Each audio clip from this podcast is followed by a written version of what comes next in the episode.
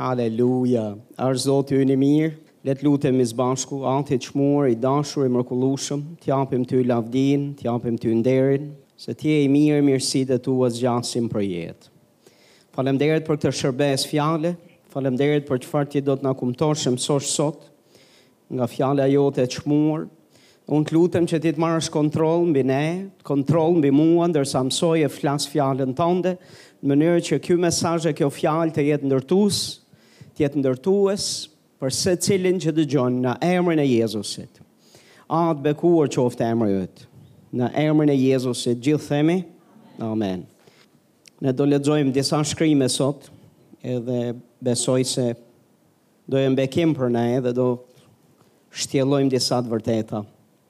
E di përpara se të vazhdojmë më tutje dhe të flas për ato gjëra çfarë kam për të thanë, është duhet merrni një shënim këto, këto shkrime, e para e Korintasve kapitulli 7, vargu 1 deri në vargu 6, e para Korintasve 7, vargu 1 deri në 6, Pastaj do merrni e para e Pjetrit, kapitulli tre, vargu një deri në shtatë, në fakt një deri në komplet kapitullin një, deri tek vargu njëzet e një, po deri tek vargu shtatë janë me shumë rëndësi sepse theksojnë martesën dhe pastaj do shohim së bashku edhe Efesianët kapitulli pesë, vargu njëzet e dy deri tek deri tek vargu tridhjetë e tre.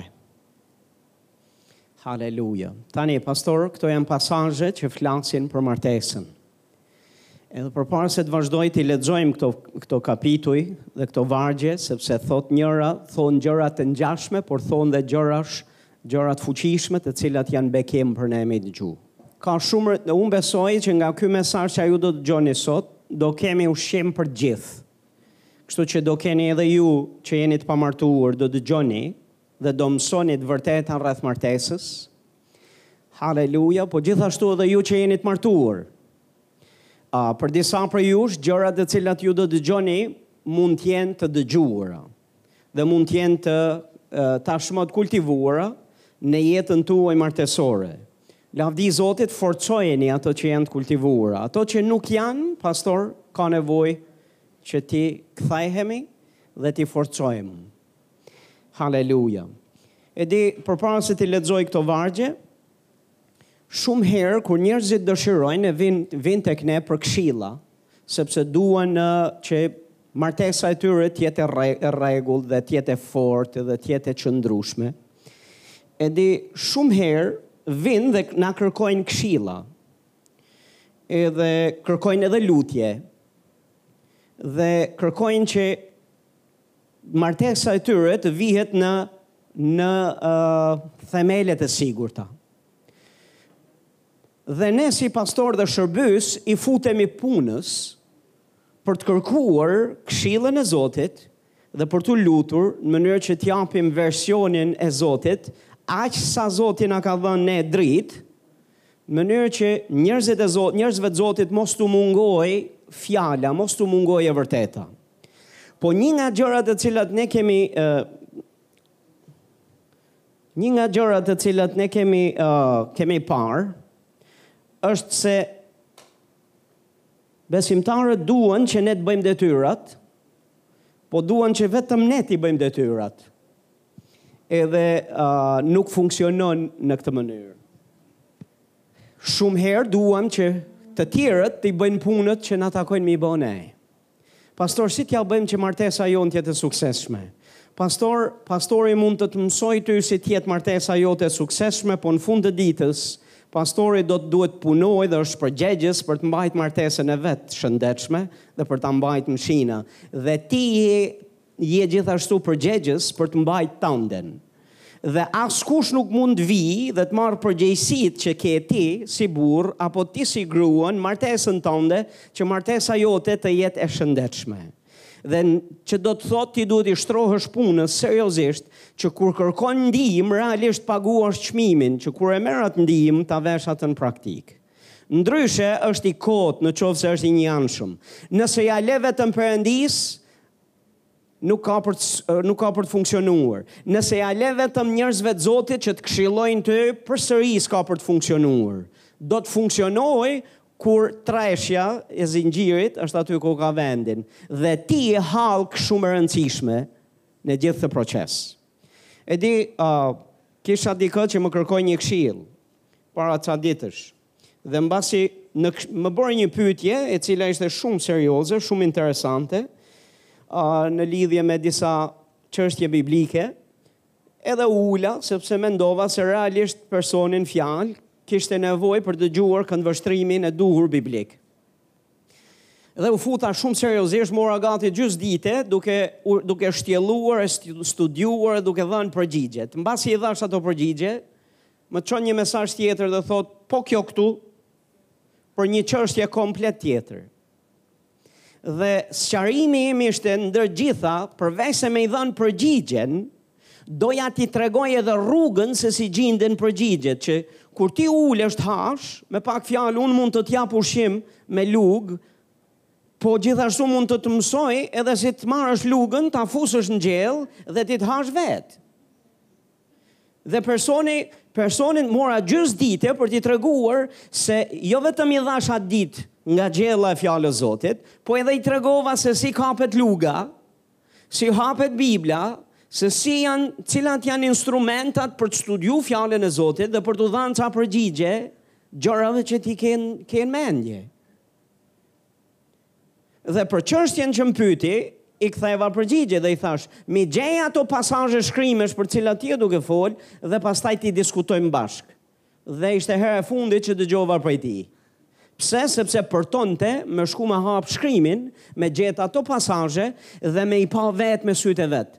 Sepse donte që unë të kërkoj Biblën, unë t'i gjej këto pasazhe, unë t'i jap një përgjigje një pikëpyetjeje që ai kishte, Ndërkohë që ai duhet të bënte pjesën e vet. Njerëz Zotit, duhet të bëjmë pjesën tonë. Hallkë e rëndësishme, Perëndia. Hallkë e rëndësishme, njerëzit e Zotit që të ndihmojnë. Hallkë shumë e rëndësishme, je ti. Dhe nuk ka njeri dhe nuk ka as Perëndia, as njeriu nuk të ndihmojnë dot në qoftë se ti je i pagatshëm për të lëvizur dhe për t'u vënë në punë dhe për të vënë në praktikë gjërat që dëgjon. Dikush thotë, amen. Kështu që ne do të lexojmë e do studiojmë nga fjala e Zotit, e t'i shohim pak këto shkrime se ka shumë rëndësi. Le të shkojmë tek e para e Korintasve fillimisht kapitulli 7. Tani thotë lidhur me ato që më shkruat, mirë është për njeriun që të mos prekë grua. Dhe kur flet mirë është për njeriun që të mos prekë grua, nuk është duke folur për gruan mos prek grua, sepse është njeri, po është duke fol për burrin. Dhe në origjinal është fjala burri. Një njeri, një mashkull, mos prek thotë grua. Por për shkak të kurvërimit, le të ketë secili gruan e vet dhe secila grua burrin e vet. Ja ku qartësohet. Për çfarë shkaku? thotë për shkak të imoralitetit, për shkak të kurvërimit, secili thotë të ketë gruan e vet dhe secili, secili burrë të ketë dhe secila grua të ketë burrin e vet. Gruaja thotë nuk ka pushtet mbi trupin e vet, por burri. Gjithashtu burri nuk ka pushtet mbi trupin e vet, por gruaja. Vargu 5 thotë mos ia privoni njëri-tjetrit. Përveçse në qoftë se jeni marrë vesh, për një farë kohe, që t'i kushtoheni agjërimit dhe lutjes dhe përsëri ejani bashkë që të mos ju tundojë Satani, për shkak të mungesës së vetëkontrollit tuaj. Të gjithë martuarit të thonë, Amen. Të gjithë beqarët do kenë nevojë për zbulesë për këtë pjesë. Dhe ju do merrni një copë zbulesë në teori në shërbesë të kishës, po në martesë ju do të merrni tamam zbulesën praktike të kësaj që shkrimi i shenjtë është duke folur, që është më shumë peshë dhe më shumë rëndësi. Pastor, ky është një aspekt shumë shumë i rëndësishëm i martesës, për cilin uh, Flitet kudo, përveçse kur flitet n'kishë, duket sikur ngrin dhe kisha fut do të fusë kokën poshtë të karriges edhe duam të skuqemi, kur në fakt, në realitet kjo botë është duke na bombarduar me anën perverse të kësaj të vërtete të shenjtë e të çmuar n'sytë e Zotit. Dhe jo, në Kishën e Zotit ne nuk do kemi turp, do flasim hapur për gjëra të cilat janë me peshë dhe me rëndësi në sytë e Zotit, që Zoti i ka krijuar me qëllim që fëmijët e Tij, Kisha e Tij, të shijojë më të mirën në emër të Zotit. Tek e para e Pjetrit, kapitulli 3, thotë gjithashtu ju gra nënshtrojuni burrit tuaj ose burrave tuaj. Ti grua, nënshtroju burrit tënd, që edhe nëse disa, thotë, nuk i binden fjalës të fitohen pa fjalë nga sjellja e grave të tyre, që do të thotë, paska burra që mund të mos i binden fjalës Zotit. dhe është duke folur që një martesë mund të hyjë në krizë në qoftë se burri nuk i bindet, nuk i nënshtrohet, nuk dëgjon, nuk i bindet, nuk ka frikën e Zotit dhe nuk i bindet fjalës Perëndisë. Dhe është duke ndihmuar gruan në këtë rast dhe është duke i thënë çfarë ndihme, çfarë do të bësh gjithashtu ju gra, nënshtrojuni burrit tuaj. Ups.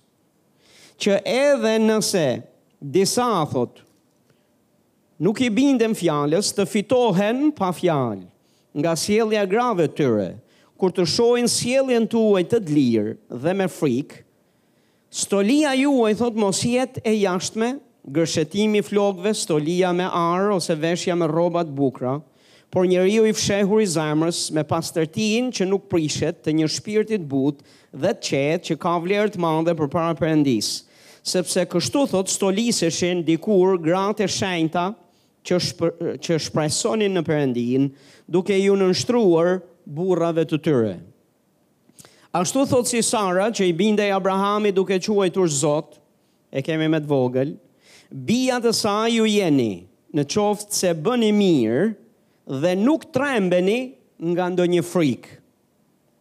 Ju burra tani thotë, gjithashtu jetoni me gratë tuaja me urtësi, duke e çmuar gruan si një enë delikate Dhe e nderoni sepse janë bashkëtrashëgimtare me ju të hirit të jetës që të mos pengohen lutjet tuaja. Në qoftë se i shihni, një koment i shpejtë, në qoftë se shikoni janë gjashtë vargje që i drejtohen gruas, e është një varg që i drejtohet burrit. Dhe duket sikur dominon në fjalim, në predikimin e apostullit Pal, e folura ndaj gruas më shumë se sa ndaj burrit. Më falni, Pjetrit. Po më lini t'ju mësoj një gjë. Kur ne do të shohim së bashku, ne do të shohim që një varg për cilin Pjetri përmend vargun 7, në fakt ka volume. Haleluja. Dhe nuk është interesi i apostullit Pjetër për t'i vendosur në kanar dhe në peshore në predikimin e tij sa predikim do të do të japë sa shumë do t'i flasë grave dhe sa shumë do t'i flasë burrave t'i balancojë tre vargje këtej tre vargje andej sepse nuk ishte fare në qëllimin e tij në qëllimin e tij ishte kjo gjë që ai të sillte pikëpamjen e zemrës së Zotit në lidhje me martesën Dhe në ato kushte kur martesa është duke lënguar dhe kur martesa ka nevojë për shërim e ka nevojë për restaurim, tregon rrugën se si mund të se si mund të kthehen, se si mund të ndryshojë dhe si mund të jetë martesa e shëndetshme. Le të lexojmë gjithashtu Efesianët Haleluja.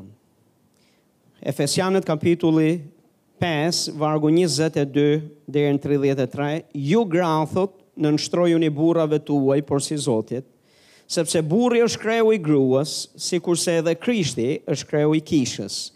Dhe ai vetë është shpëtimtar i trupit. Ashtu si kisha i është nënshtruar Krishtit, kështu gratë duhet t'u nënshtrohen burrave të tyre në çdo gjë.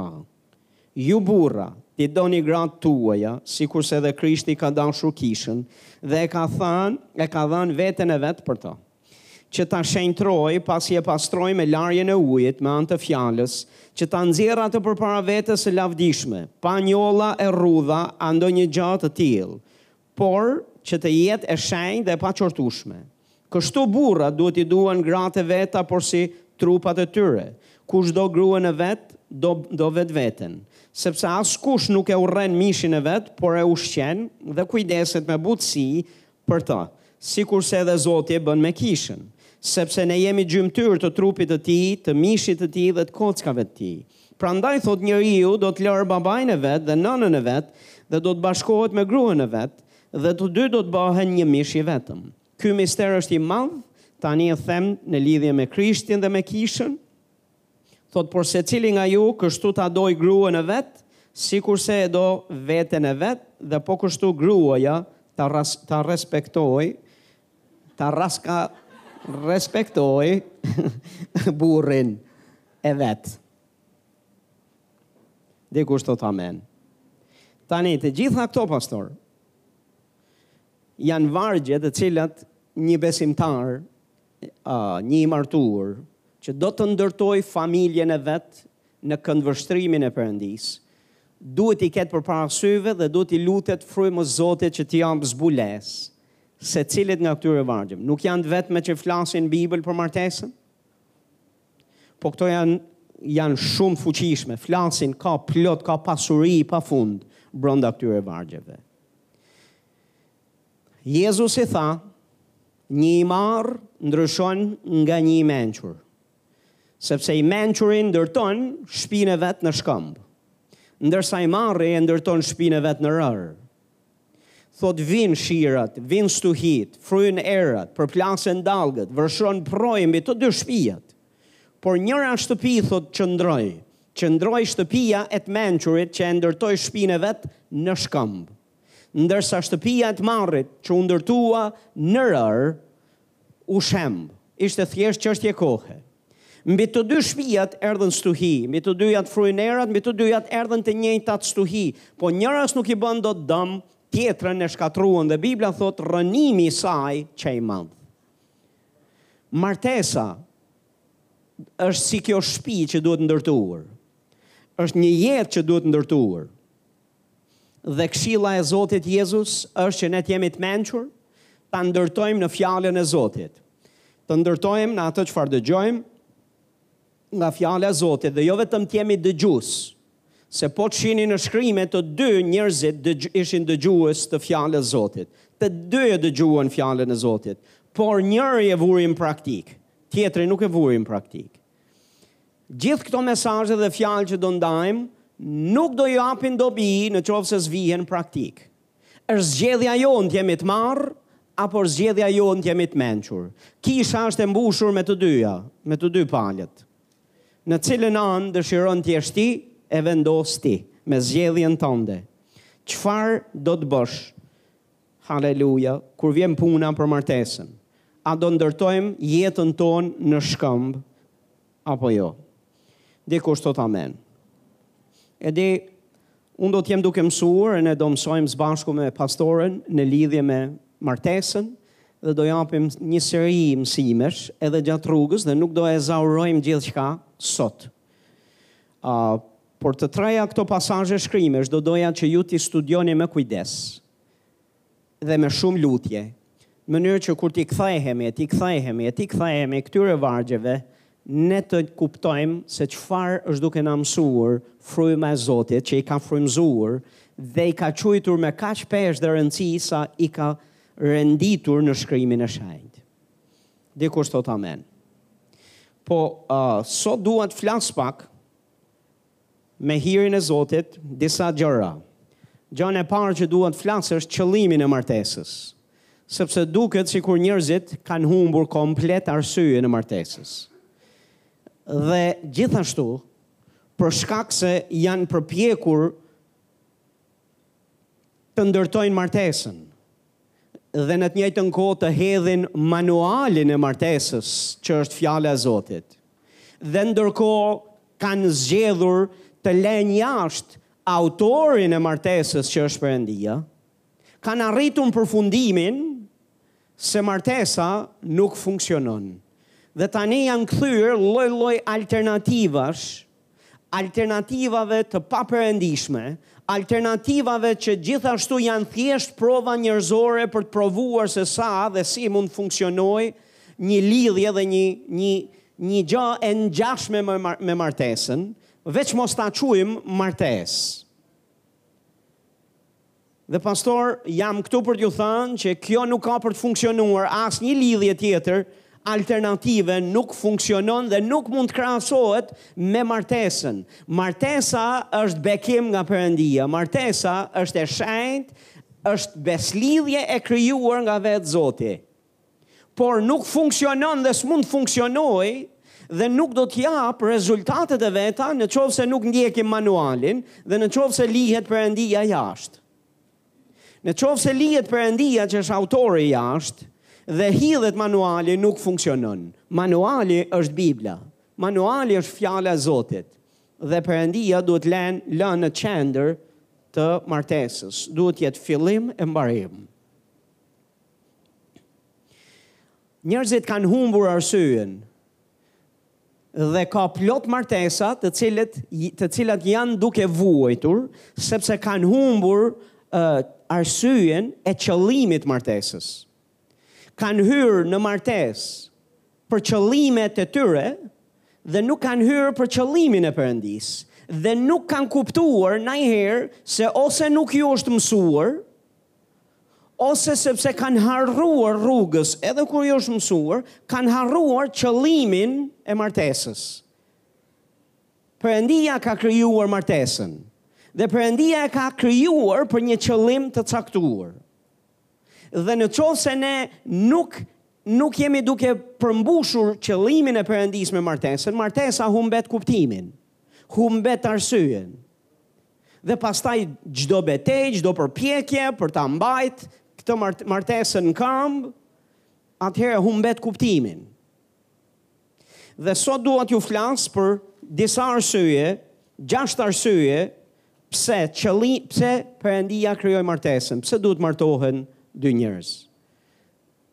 sipas Biblës, sipas manualit të Perëndisë dhe sipas zemrës të Tij. Kështu që do t'i shohim së bashku këto me një që nga zanafilla kur u krijua martesa, kur u krijua njeriu i parë.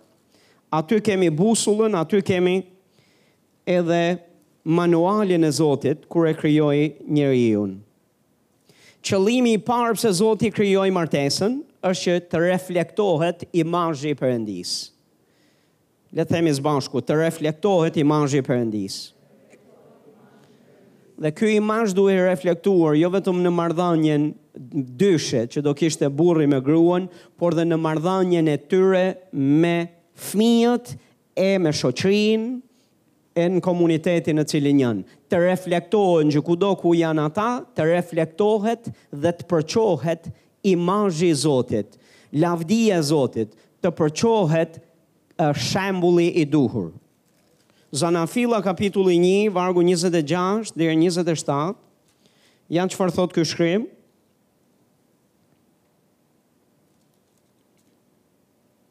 Pastaj thotë Perëndia tha ta bëjmë njeriun simbas shëmbëlltyrës sonë dhe në ngjasim me ne, dhe të ushtrojë sundimin e tij mbi peshqit e detit, mbi zogjtë e qiellit, mbi kafshët e mbi gjithë tokën, dhe mbi rrëshqanorët që zvarriten mbi dhe.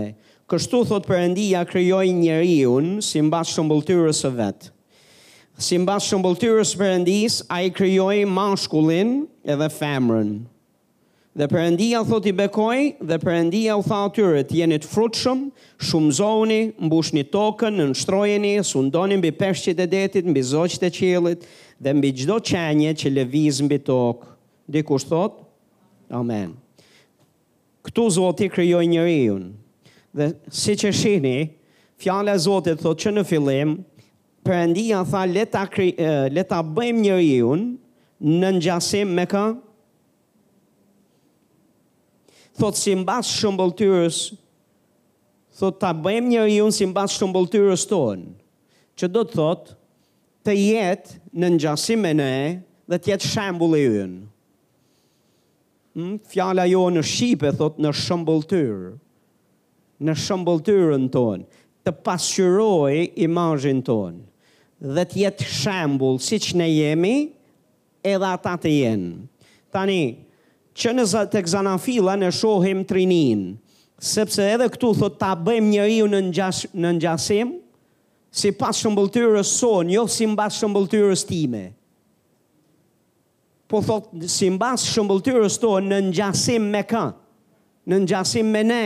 Kjo fjala sonë edhe me ne, do të thotë që është në shumës. Le ta krijojmë, thotë njeriun, në ngjasim me ne, simbas shëmbëlltyrës, shembullit tonë. Dakord, kopja jonë, të jetë e ngjashme me ne. Tani, pastor, është ati, është biri dhe është fryma e shenjtë. Në rregull, tani, janë tre apo jo? Kur njeriu u krijua vetëm, kishte ngjasi, kishte ngjashmëri me Perëndinë dhe ka ngjashmëri vetëm me Perëndinë. Por Perëndia i krijoi mashkull dhe femër dhe të dy i bëri në ngjasim me veten. Në martesë, pastor, martesa është supozohet të jetë burri, gruaja në unitet me njëri-tjetrin. Burri, gruaja, bashkë me Perëndinë në qendër. Tek predikuesit ne do të shohim së bashku se Bibla thotë një litar tresh nuk mund të këputet. Dhe aty flitet në kontekstin e lidhjes martesore dhe besëlidhjes martesore. Dhe ku është litari tresh kur është vetëm një dysh, se është burri dhe gruaja, ku është ky treshi në mes? Treshi në mes është Perëndia, sepse supozohet që në martesë mos hyjnë vetëm burri dhe gruaja ndaras nga Perëndia. Perëndia duhet të jetë në qendër. Dhe një litar tresh thotë nuk mund të këputet. Kur kur martesa, kur hyn një burrë dhe një grua në martesë, dhe ka dhe në qendër dhe në themel edhe çati edhe mburojë Zotin. Është lidhje treshe dhe është reflektim perfekt i ngjashmërisë me Zotin. Ai tha ta bëjmë në ngjasim me ne dhe nuk bëri vetëm Adamin, po bëri Adamin dhe Evën, bëri burrin dhe gruan.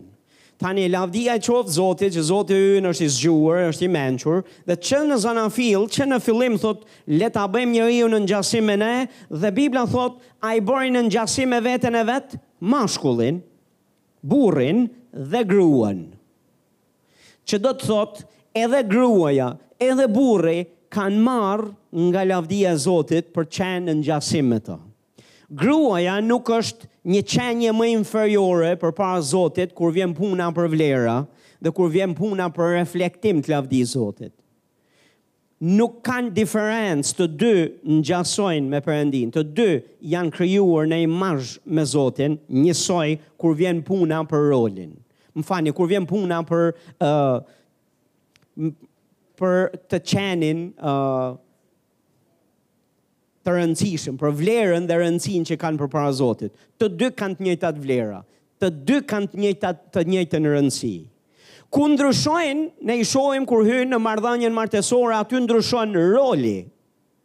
Po nuk ju ndryshon vlera në sytë e Zotit. Dikush thotë amen.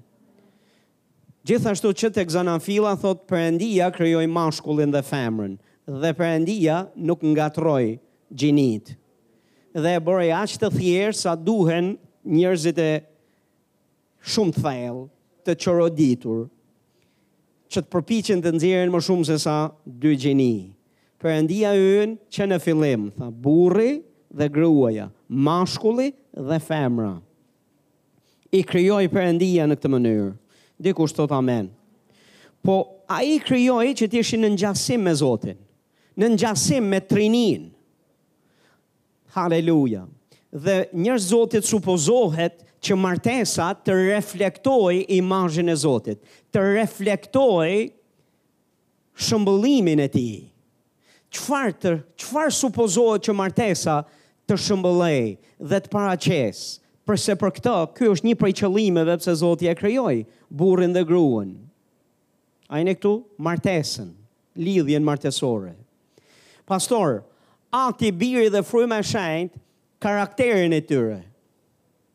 Gjithashtu, edhe uh, mënyrën se si ata bashkëveprojnë njëri me tjetrin, dhe po të shihni në shkrime, ju shihni një dashuri dhe nënshtrim të përkryer. Dy gjëra do t'i shihni në marrëdhënien e Zotit, e Atit, Birit dhe të Frymës së Shenjtë. Dashurinë edhe nënshtrimin ndaj njëri-tjetrit. Këto të dyja gjithashtu do të do të tingëllojnë fort edhe kur lexuam për martesën, për burrin dhe gruan. Burrit i bëhet thirrje për të dashur, gruas i bëhet thirrje për t'u nënshtruar. E me tjera fjalë, kur ne shohim që Perëndia i bën thirrje gruas që të nënshtrohet dhe burrit që të dojë, nuk është duke thënë që detyra e burrit është strikt të dojë, kurse kurse gruaja vetëm të nënshtrohet. Jo jo jo, thjesht predominon më shumti nënshtrimi tek ajo dhe dashuria tek burri, por kjo nuk do të thotë që gruaja nuk duhet ta dojë burrin e vet, dhe kjo nuk do të thotë që burri nuk duhet t'i nënshtrohet gruas së vet. Po të shohim tek natyra e Perëndisë tonë, ai është besnik, Ai është i dashur, ai është i mirë dhe sa më shumë e njeh e njeh natyrën e Perëndisë, pastaj, dhe sa më shumë rri me Perëndinë dhe sa më shumë e kemi Perëndinë në qendër të lidhjeve tona martesore, pastaj ajo do të reflektohet edhe tek martesa dhe tek gjërat të cilat ne bëjmë. Shembullin që ne shohim me atë të cilin rrim, ka për të reflektuar edhe në mënyrën dhe kualitetin e jetës dhe zakoneve që kemi. Pastor, në qoftë se martesa jonë çalon, shumë herë është për shkak se bashkësia dhe intimiteti me Perëndinë nuk është aty ku duhet, dhe është lënë mënjanë. Sepse Bibla thotë, mos u gënjeni vëllezër, shoqëritë e këqija prishin, zakonet e mira, por shoqëria me Perëndinë është shoqëri e mirë. Sa më i shoqërueshëm me Perëndinë jemi, ai na prish zakonet e këqija. Dhe ka ca zakone të këqija që duhen prishur. Haleluja, dhe ka ca zakone të mira që duhen ndërtuar. Dhe sa më shumë rri me të dhe shikon, ti ndryshon. Sepse fjala e Zotit thotë duke parë fytyrë zbuluar, lavdinë e Perëndisë si në pasqyrë, po si prej frymës shenjtë ne transformohemi, ne ndryshojmë. Sa më shumë rrimë me Perëndinë, sa më shumë rrimë në praninë e Tij, sa më shumë rrimë me fjalën e Zotit, sa më shumë rrimë të lidhur dhe të shoqëruar me Të, kjo gjë këtu ka për të reflektuar në ndryshimin tonë për mirë, dhe në ndryshimin e martesave tona. Dikush thotë amen. Ai është shembulli ynë në karakter, në natyrë dhe në shembullin e bashkëveprimit. Ju shihni në shkrime bashkëveprimin mes Atit, Birit dhe të frymës shenjtë nga testamenti i vjetër, te i riu nuk shohim kurrë konflikt. Kishte raste ku te, në testamentin e vjetër ishte ati më, më në skenë. Shohim birin më pak, shohim frymën e shenjtë më pak. Më vonë shohim birin në skenë. Me mbështetjen e atit, me mbështetjen e frymës. Pastaj më vonë dhe tani ne jetojmë në kohën e frymës shenjtë. Është epoka e frymës shenjtë. Dhe fryma e shenjtë merr prej Atit dhe na jep ne, merr prej Jezusit dhe na jep ne. Dhe është lidhje uniteti, kudo thotë shkuan duke bërë mirë. Vërtet thotë kudo Jezusi shkoi duke bërë mirë, po tek shkrimi, tek veprat e apostujve 10.38, ti shikon se është dhe ati, është dhe fryma e shenjtë në mbështetjen e Jezusit, sepse asgjë nga ato që bëri, ai nuk i bëri vetëm. dhe shohim një një përkryeshmëri. A keni menduar ndonjëherë Mos keni menduar ju, mos, mos e vrani mendjen se kanë menduar muslimanë, kanë menduar fe të tjera, me pyetje të tila se, se sa autoritet dhe pushtet ka njëri, sa autoritet dhe pushtet, pushtet ka tjetri, dhe si mund t'i nënshtrohet njëri tjetrit. Veç Perëndia që s'e ka këtë problem. Dhe në shkrime ne shohim që predominon natyra dhe karakteri e integriteti e besnikëria e Perëndisë edhe gjithë karakteristikat e natyrës së tij por themel duket se është dashuria edhe nënshtrimi. Dhe në këtë mënyrë Perëndia ka sjellë, ka përcjellë dhe dhe ka përcjellë në këtë lloj rregullsie, ka përcjellë jetën në tokë. Ka krijuar familjen pastor me qëllim që të përçojë jetën në tokë. Thashë ka krijuar familjen për të përçuar jetën në tokë. Dhe në qoftë se shihni në shkrime, ju shikoni thirrjen për unitet. Ju shikoni uh, rëndësinë e qëndruarit së bashku. Ju vëllezër, thotë, psalmin 133, sa e kënaqshme dhe e mirë është që vëllezërit banojnë së bashku në unitet. Okej? Zoti do që ne të jetojmë bashkë në unitet sepse rrjedh vajosja, rrjedh jeta, rrjedh bekimi. Martesa Haleluja! Është një nivel ma i lartë sesa një unitet vllazërie. A jeni këtu? Dhe Zoti e do këtë bashkësi, e do këtë lidhje, në mënyrë që përmes saj të rrjedhë dhe të përhapet imazhi i Zotit, ngjashmëria me Perëndinë. Perëndinë nuk e shohim, Por në qoftë se një martesë ka në qendër Perëndinë dhe jeton sipas natyrës së tij dhe ecën në dashuri dhe dhe dhe ka lidhjen e nënshtrimit ndaj njëri-tjetrit, pastor do ta reflektojë imazhin e Zotit dhe njerëzit do të shohin bekimin e Zotit aty. A jeni këtu apo jo? Dhe plot njerëz sot në botë janë duke u largu nga po largohen nga uh, familja tradicionale dhe nga martesa. Dhe fatkeqësisht një rol të, një rol një rol shtyrës të keq ka luajtur kisha, kanë luajt besimtarët me martesat e tyre.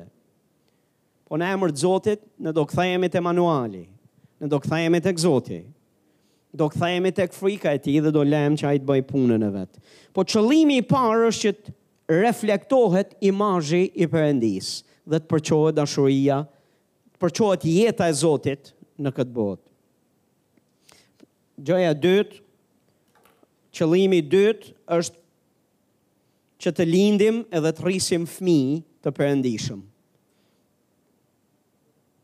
O, oh, haleluja, thashë, që të lindim dhe të rrisim fëmijë të perëndishëm. Secila nga këto fjalë janë mirë menduar. Nuk thotë që të lindim fëmijë.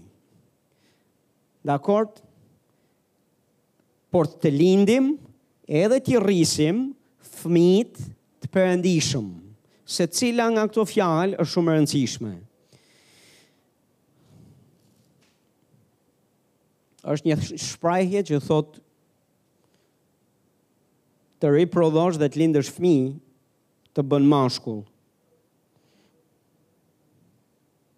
Po t'i rrisësh në rrugët e Zotit, të bën burrë dhe Zoti është interesuar të ketë burra në martesë.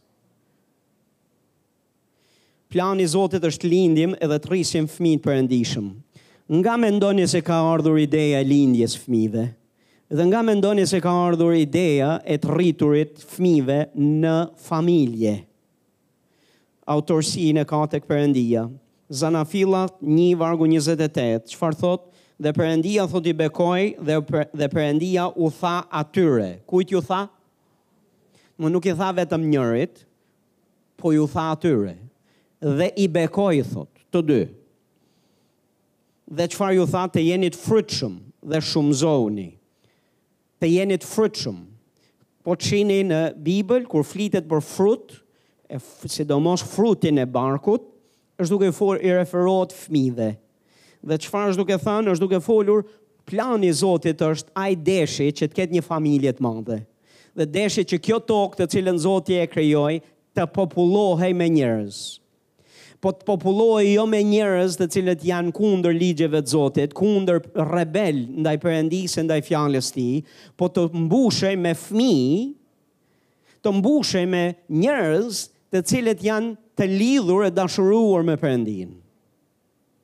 Dhe këtë bekim ja dha Adamit dhe Evës kur hynë martesë. Dhe ju dha edhe këtë qëllim. Ky është e qëllimi. që ata të shumëzoheshin dhe të popullonin mbarë tokën. Perëndia pati një problem me njerëzit, diku nga Zanafilla, kapitulli 11 besoj, se me kalimin e kohës u ngrit një grup njerëzish, të cilët brezi i asaj kohe u mblodhën dhe deshën që të ndërtonin kullën e Babelit. Dhe ideja e tyre është që ne nuk do të shumëzohemi, nuk do përhapemi në mbarë tokën, ne do popullohemi dhe do rrimë këtu ku jemi. Dhe Perëndisë nuk i pëlqeu aspak ky plan njerëzor. Nuk u pëlqeu aspak kjo lloj, ky lloj frymëzimi. Dhe Perëndia ndërhyri dhe ju ngatërroi gjuhët. Dhe nuk e lejoi këtë gjë. Pse? Sepse plani i njeriut ishte një plan egoist. Plani i njeriut ishte që të dilte nga qëllimi i arsyes pse Zoti i bekoi.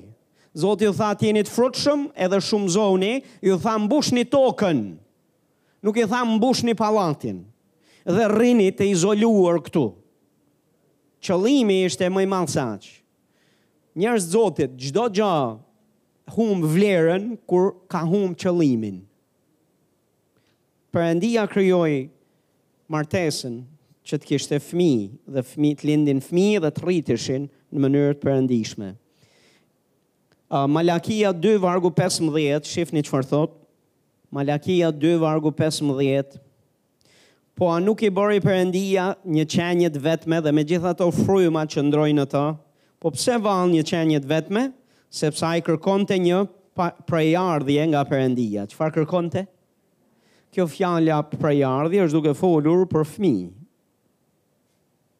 Tregoni pra kujdes për frymën tuaj dhe askush të mos sillet me pabesi me bashkëshorten e rinisë së vet. A jeni duke dëgju? Kjo është ajo çfarë Zoti është duke folur në kontekstin e martesës, sepse Zoti kërkonte çfarë? Thash çfarë kërkonte? Kërkonte Prejardhje. Haleluja. A jeni mirënjohës që Maria lindi Jezusin? A jeni mirënjohës që prindrit e uh, prindrit e Mojsiut lindën dhe rritën Mojsiun? A jeni mirënjohës për gjithë patriarkët që u lindën? Mund t'i marrësh me radhë historitë e jetës, e jetëve të tyre, ato që lexojmë, lexojmë tek hebrenjtë. Në qoftë se prindërit e tyre do ishin egoistë dhe nuk do i kishin lindur, pastaj s'do kishim asnjë prej tyre në listën e heronjve të besimit dhe nuk do kishim dëgjuar ato bëmat edhe gjërat e mëdha që bënë. Amen. Haleluja! Tek Ligji i Përtërirë, kapitulli 31, vargu 12, 31, vargu 12, do të mbledhësh popullin, burra, gra, fmi, dhe të huajin që ndodhet brënda portave të tua, që të dëgjojnë dhe të mësojnë të kenë frikë nga Zoti Perëndia juaj dhe të kenë kujdes të zbatojnë në praktikë tërë fjalët e këtij ligji. Po të shihni me kujdes këtu, i gjithë populli, përfshirë fëmijët, duhet të edukoheshin dhe duhet të mësoheshin që t'i zbatonin praktikë tërë fjalët e ligjit të Zotit dhe duhet të ishin nën kujdes të veçantë pikërisht për të dëgjuar këtë gjë. Ë Proverbat 22 vargu 6 thotë mësoi fëmijës tënd ë rrugën nëpër të cilën duhet të ecë dhe ai nuk do të largohet prej saj edhe kur të plaket. E para e Timoteut 3 vargu 4. E para e Timoteut 3 vargu 4 na thotë këtë gjë. Sepse në qoftë se dikush thotë nuk di të qeverisë familjen e vet, si do të kujdeset për shtëpinë, për kishën e Perëndisë? Në për, në një përkthim tjetër thotë në qoftë se dikush nuk di të qeverisë familjen e vet dhe nuk di të rrisë fëmijë të perëndishëm, thotë si do të kujdeset për kishën e Perëndisë, që është një kërkesë e Zotit, dhe qëllimi i martesës është që jo vetëm të lindim fëmijë, po edhe t'i rrisim fëmijët me përgjegjshmëri dhe t'i rrisim në perëndishmëri, të jenë perëndidashës. Dikush thotë amen. Sot duket sikur bota nuk do fare fëmijë. Po le botën, duket sikur kisha dhe duket sikur familjet e besimit që krijohen, maksimumi u duket super sakrificë e madhe që të lindin një fëmijë. Dhe më lini t'ju them, ne nuk jemi nuk jemi duke thënë që shiko, të themi sa fëmijë pastor duhet të lindim, sepse nuk po hyjmë te kjo pjesë, po një gjë mund t'ju them ashtu siç duhet pyet Perëndia për çdo gjë, duhet pyet edhe për këtë gjë. Kaq gjë mund t'jua themi, që duhet me pyet Zotin. Edhe duhet me pyet edhe bashkëshorten, edhe bashkëshortin, të dy, duhet me kërku Perëndinë dhe me thanë deri ku Zot. Sa fëmijë do ti që, që të vijnë n'këtë botë përmes martesës time. Edhe mbaj mend, e mbaj mend dikë një herë që pyt Mondin, ju e njihni kush është, dhe Mondi atëherë kishte vetëm Elenën, vajzën e vet, edhe takon një besimtar, një një uh, shërbyes tjetër të ungjellit dhe mbasi që prezantohen ishim ulur aty dhe pyetja që i bën është sa fëmijë ke ti? Ai tha un kam veç një fëmijë. Uuu, po ç'ne veç një fëmijë ti? E pyeti, po ti sa ke? Nuk e di sa kishte 6 a 7. I tha po vlla, nuk e di ti tha, i tha Mondit, nuk e di ti që Bibla thotë shumojeni, shumohuni dhe mbushni tokën. Edmondi pa hezituar iu kthy dhe i tha po po është shkruar, po nuk ka thënë bëje vetëm. Bëj edhe me të tjerë. Dhe pastor në këtë pikë duhet pyesni Zotin. Dhe gjithashtu edhe një me njëri tjetrin është me shumë rëndësi, por Perëndia e do. Ky është një nga misionet. Perëndia nuk ka ndryshuar mision sot në dy mijë e njëzet e treshin në kohën edhe në epokën moderne ku nuk na duhen më shumë fëmijë. Hidhini pak sytë nëpër kombe. Kombe të vdekura dhe kombe të plakura. Kombe të cilat janë duke u shuar dhe kombe që po rizëvendësohen nga kombësi të tjera dhe kanë humbë identitetin dhe kanë humbë komplet rrjedhën e kombit të tyre. E dini pse, e dini ku e ka ku e ka boshtin dhe ku e ka rranjën? Është sepse prindërit ka, janë dhënë më shumë mbas karrierës, janë dhënë më shumë mbas uh, egoizmit një jetet vetën vetjake për qejfin e tyre dhe e kanë lënë këtë mision mënjanë. Po ka një arsye, pastor. Dhe ka plot pleq të cilët pleqërojnë sot dhe janë vetëm nëpër shpia. Dhe janë duke vujt pleqërinë e tyre o vetëm, ose, kanë, ose janë në, në, në, në pikë e në, në, në kulmin e halleve të tyre, sepse u mungojnë fëmijët. sepse nuk kanë njeri që të jetë afër tyre. Tani ka nga ata që vuajnë sepse nuk kanë rritur fëmijë të perëndishëm, po ka nga ata të cilët vuajnë sepse nuk kanë bërë fëmijë fare, sepse në rininë e tyre kanë menduar është më mirë të jesh i pamartuar ose të mos kesh fare fëmijë. Po Perëndia e ka ditur ciklin e jetës se si duhet të jetë i shëndetshëm. Dhe duket sikur kjo botë ka humbur, domethënë është zhvilluar në një anë dhe nga ana tjetër ka ngelur në vendnumëro. Dhe shumë herë i kthejnë sytë nga brezat e kaluar duke i sharë e duke menduar, o, oh, pse, ej, epoka e gurit, epoka e gurit. Po, ne që kemi lexuar pak për epokën e gurit, një gja e dim. Ata të epokës së gurit që janë rrit nëpër male, janë rrit nëpër guva, nëpër shpella, martoheshin dhe krijonin familje. Dhe ia dolën. Dhe falë atyre që jetuan nëpër guva, nëpër shpella, nëpër male, jemi ne këtu sot. Po ça do të ndodhë mbasi të ikim ne? A do të ketë ma, apo jo? Jo, s'do ketë ma, se do i lemë nëpër guva, nëpër shpella, nëpër male. Tentativë për të ardhur. Po nuk erdhën, sepse ne u treguam të pabindur ndaj qëllimit pse Zoti e ka kriju martesën. Më leni t'ju them një gjë, ka plot të rinj të cilët hyjnë në martesë me motive të gabuara dhe këtë do t'ju mësoj pak më vonë, do t'i përmend pak se për me çfarë motivesh.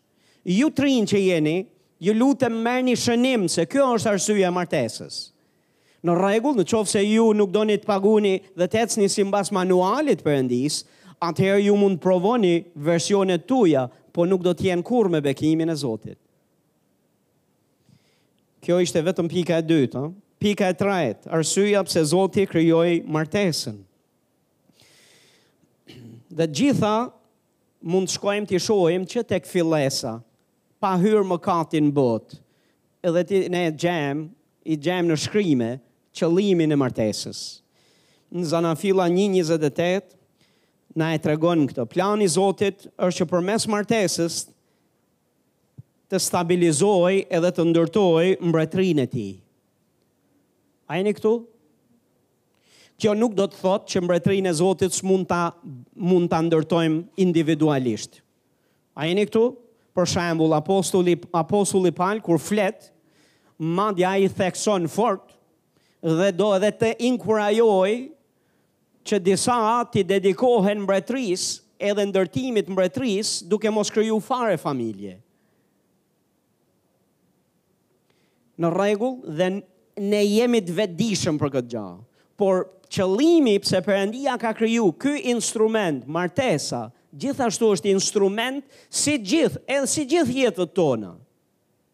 Dhe gjithë angazhimet dhe ndërmarrjet tona në jetë, të gjitha janë të lidhur me planin e ndërtimit Zotit, planin e mbretërisë, planin e stabilizimit mbretërisë Zotit në këtë botë. E gjithashtu martesa është për këtë qëllim. Te Zanafilla 1:28 çfarë thotë Perëndia i bekoi dhe ju tha atyre mbusheni tokën dhe dhe thotë nënshtrojeni e sundoni. Le të themi bashkë, nënshtrojeni dhe sundoni. Këtu është duke folur për Zoti ju dha bekimin e autoritetit, ju dha bekimin e pushtetit për të kryer pikërisht këtë mision, që toka të kishte rregullsi. Që toka të ishte në rregull. A jeni këtu? Që toka të ishte sipas standardeve të Zotit dhe të përdorte këtë autoritet mbi çdo qenie që lëviz në tokë, ta përdorte këtë autoritet për të sunduar, për të sjellë dominimin e mbretërisë së Zotit, dominimin e pushtetit të Perëndisë në këtë botë. Njerëz të Zotit, kur martesa sulmohet, nuk ka rregullsi më në botë. A jeni këtu? Nuk ka më. Siç edhe e shohim se nuk ka. Sepse në fakt martesa dhe familja është është qeliza e një shoqërie. Dhe i ligu për këtë arsye sulmon martesën. Për këtë arsye sulmon lidhjet martesore. Edhe që të mos lidhen fare, po edhe kur lidhen, mos kenë, mos të ecin simbas qëllimit dhe standardeve të Zotit. Por Perëndia e ka krijuar në mënyrë që të njeriu të të të dominojë, të dy të jenë në këtë dominim. Po pastor, pse nuk dominohet dot vetëm? Po pastor edhe vetëm, po dyshe është më mirë dhe do e shohim së bashku këtë këtë pjesë. Shifni se çfarë thotë Predikuesi kapitulli 4, vargu 9 deri në 12. Dy thotë vlejnë më mirë sesa një i vetëm, sepse ka një shpërblim të mirë për mundin e tyre. Hmm, në fakt, nëse rrëzohen, njëri e ngre tjetrin. Por mjerë ai që është vetëm dhe rrëzohet, thotë, sepse nuk ka njeri që ta ngrejë. Vargu njëmbëdhjetë, kështu thotë gjithashtu nëse dy veta flenë bashkë, ata kanë mundësi që të largohen e të rrinë njëri në një cep në tjetrin, thotë ata kanë mundësi të ngrohen, por ai që është vetëm si do t'ia bëjë që të ngrohet. Po ju e kuptoni se nuk është duke folur vetëm për një ngrohje fizike, dhe nuk është duke folur vetëm për një fjetje fizike, por është duke folur edhe një rehati në krevat, por është duke folur për paqe, është duke folur për forcë, është duke folur për mbrojtje, është duke folur për ato gjëra që për përkatësi, është duke folur që martesa Të dy i janë mbështetje dhe i japin këtë siguri dhe sigurim njëri tjetrit në martesë. Kur bie njëri, thotë kush, si do t'ia bëjë ai? Mm, si do t'ia bëjë ai? Shifni se çfarë thotë Zanafilla, njëmbëdhjetë vargu gjashtë. Thotë dhe Zoti tha, ja ata janë një popull i vetëm dhe kanë të gjithë të njëjtën gjuhë dhe kjo është ajo që ata filluan të bëjnë, tani asgjë nuk ka për t'i penguar ata të përfundojnë atë që kanë ndërmend të bëjnë. Këtu është duke folur për njerëzit që u unifikuan për të mos iu bindur dhe për t'u rebeluar ndaj Perëndisë, për të ndërtuar kullën e Babelit.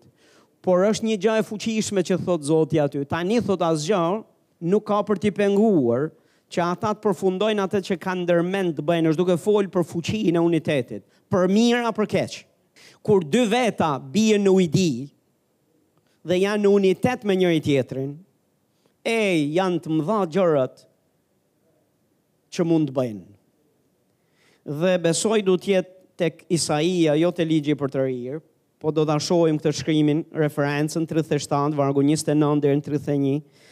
Ë uh, është një pasazh shkrimi aty ku flitet se si një do të bëjë 1200 veta që të ikin me vrap, thotë dhe 10 dhe 2 veta 10.000.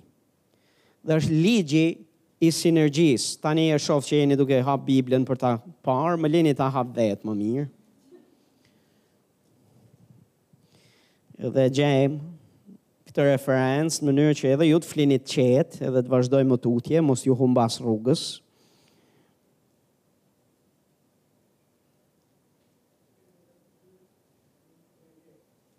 Sa? Tridhjetë e dy? Është Ligji i Përtërirë tridhjetë e dy. Hm, dakord. Le ta shohim Ligjin e Përtërirë. 32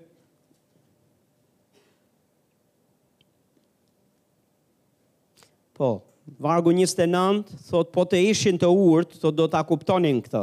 Do të merrnin parasysh fundin që i pret. Si do të mundte një person i vetëm të ndiqte një mijë e dyqind veta dhe dy persona të bënin të iknin dhjetë mijë veta po të mos i kishte shitur shkambi dhe po të mos i kishte dorëzuar Zoti tek armiku?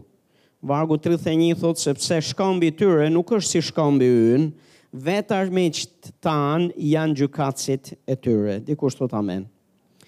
Në qoftë se do shihni Nga vargu një e poshtë, ju do të gjeni se si aty në këtë pasazh Zoti është duke folur për uh, korruptimin, imoralitetin e popujve. Dhe gjithashtu se si Perëndia i dorëzoi për shkak të imoralitetit tyre dhe pastaj zgjedhjen e popullit Zotit e Jakobit, popullit Izraelit, si popullin e vet. Dhe flet se shkambi është Zoti. Shkambi është vetë Perëndia. Dhe çfarë thotë shkambi i mbështet dhe thotë ju do ta kuptonit këtë gjë. Dhe mbështetja është që një, si ka mundësi thotë që një do të bëka që 1200 armiq të ikin apo të vriten dhe 10000 në qoftë se janë dy. Është ligji i sinergjisë për cilën Bibla flet. Dhe njerëz Zotit, kur dy veta bashkojnë forcat me njëri tjetrin, bëhen forcë e pandalshme, forcë e jashtëzakonshme. Jo më kot ne shohim atë çfarë Jezusi flet tek Mateu 18, vargu 18 e poshtë, kur thotë ku dy a tre veta janë mbledh në emrin tim thotë unë jam në mesin e tyre dhe gjithashtu në për çfarëdo gjaje thotë që do të bien ata në ujdi për çdo gjë që do të kërkojnë do t'u bëhet. Më Perëndia e ka krijuar martesën që të ketë këtë lloj uniteti, këtë lloj unifikimi me njëri tjetrin, a jeni duke dëgju, në mënyrë që të prodhojë këtë lloj rezultati, këtë lloj fuqie. Dhe ka mbështetjen e shkambit, dhe ka mbështetjen e Zotit Jezus, që është shkambi ynë. Dikush thotë amen. Pra plani i Zotit është që përmes martesës të stabilizojë dhe ndërtojë mbretërinë. Haleluja, ka pushtet madh kur dy veta mblidhen në emrin e tij. Dhe supozohet që martesa të jetë mbledhje, të jetë një mbledhje dhe të jetë një unifikim ku Jezusi është në qendër. Dikush thotë amen? Haleluja! Plani i Zotit, pika katër, plani i Zotit për martesën është që njeriu të jetojë në partneritet. Të jetojë në partneritet. Ta jetojë jetën, jo vetëm, pastor. Zanafilla, kapitulli 2, gjitha këto vargje jemi duke i parë te Zanafilla 2, te Zanafilla, po Zanafilla, kapitulli 2, le të shohim pak bashkë, Do lexojmë nga vargu 18 deri tek vargu 23. Pastaj Zoti Perëndi tha, nuk është mirë që njeriu të jetë vetëm. Unë thot do t'i bëj një ndihmë që i leverdis. Tani, njerëz Zotit, po të shihni më lart, Perëndia krijoi gjithë krijimin, dhe çdo gjë që ai krijoi tha duket mirë, kur krijoi njeriun dhe ishte vetëm, pa u krijuar Eva, Thotë nuk është mirë.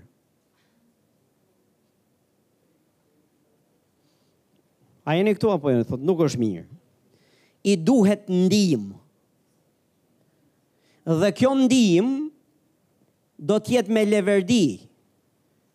Është një ndihmë që do t'i bëj mirë. Është një ndihmë që do të jetë bekim për të. Është një ndihmë që atij i duhet që të duket shumë mirë. E me tjera fjalë kur Perëndia krijoi gjithë gjithë uh, gjithçka, kafshët, ujrat, tokën, qiellin, yjet, gjithçka të bukur që bëri, kopshtin e Edenit dhe gjitha, thot duket mirë. Po të shihni në shkrime kur krijoi njeriun, burrë, grua, thot duket shumë mirë. Po kur u krijua edhe gruaja, Duket shumë mirë. Kur ishte vetëm burri, thot nuk është mirë. Dhe çfarë thot?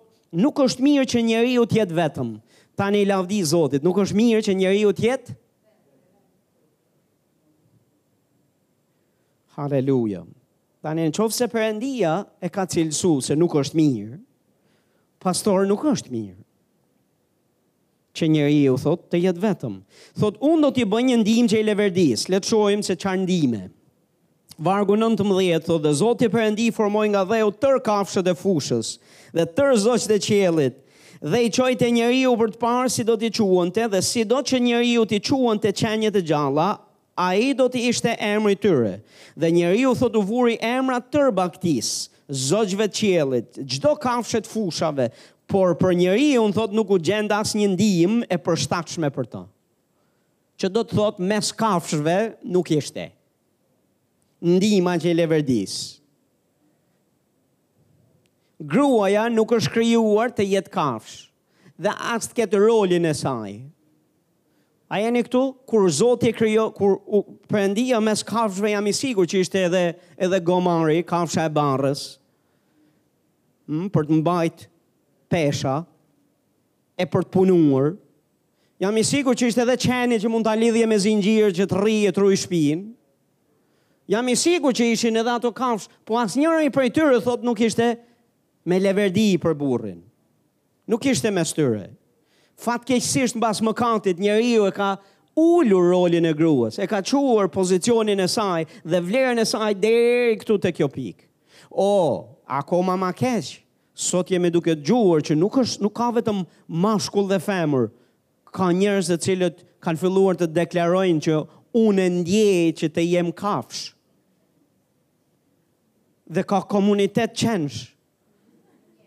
të cilët janë njerëz në fakt, dhe nuk ka ku të shkojë më poshtrim, dhe nuk ka ku të shkojë më shumë dominim demonik mbi racën njerëzore se sa ta çojë njeriun nga shkalla e të qenit njeri në një qenie kaq inferiore si kafshët. Gruaja nuk ishte mes tyre, që do të thotë nuk ishte ndihmë me leverdi aty. E po të kishte nevojë për vetëm për të bërë punë shpie, edhe për të punuar arat dhe tokat, hm, s'kishte nevojë, e gjeti ndihmën e leverdisë. Po të kishte dika, po të kishte nevojë për dika që do t'i runte shpinë, dakord, e kishte mes kafshve, qenin, mund ta merrte, ta lidhte aty, edhe gjithçka është në rregull, po s'kishte nevojë për këto. Dhe çfarë na thotë atëherë Zoti Perëndi e futi në gjumë të thellë njeriun, lavdi Zotit, e futi në gjumë të thellë njeriun. Ca njerëz do t'i fusë në gjumë të thellë. Të cilin thotë e zuri gjumi dhe mori një nga brinjët e tij dhe mbylli mishin në atë vend. Ky është një operim i mbinatyrshëm i Zotit. Vargu 22 thotë, pastaj Zoti Perëndi me brinjën që i kishte hequr njeriut, formoi një grua dhe e çoi te njeriu. Dhe njeriu tha, kjo së fundi është kocka e kockave të mia dhe mishi i mishit tim. Ajo do të quhet grua, sepse është nxjerrë nga burri. Për këtë arsye njeriu do të braktisë babain e vet dhe nënën e tij dhe do të bashkohet me gruan e tij dhe do të jetë një mish i vetëm. Dhe burri e gruaja e tij thotë ishin që të dy lakuriq dhe nuk kishin turp prej kësaj. Pastor të gjitha këto vargje kanë flasin për rëndësinë edhe edhe qëllimin e martesës, po jemi duke fol për pikën e se si njeriut i duhet një partnere, i duhet një ndihmë. I duhej dikush që i leverdiste. Dhe Zoti tha nuk është mirë që të jetë vetëm. Edhe unë nuk po flas më gjatë për të tjerët. Po mund t'ju them për shembull për ju si kisha jonë. Uh, unë kam uh, kam pas thirrjen e Zotit për të qenë pastor që në 95-ën. Që në 95-ën Zoti më ka folur mua në zemër duke më folur dhe duke më thanë në zemër që unë të kam thirrur të jesh pastor. Dhe që atëherë unë kam ditur që duhet të jem pastor. Jam bërë gati, Zoti është kujdesur që unë të kultivohem e të bëhem gati, e më the të thashë.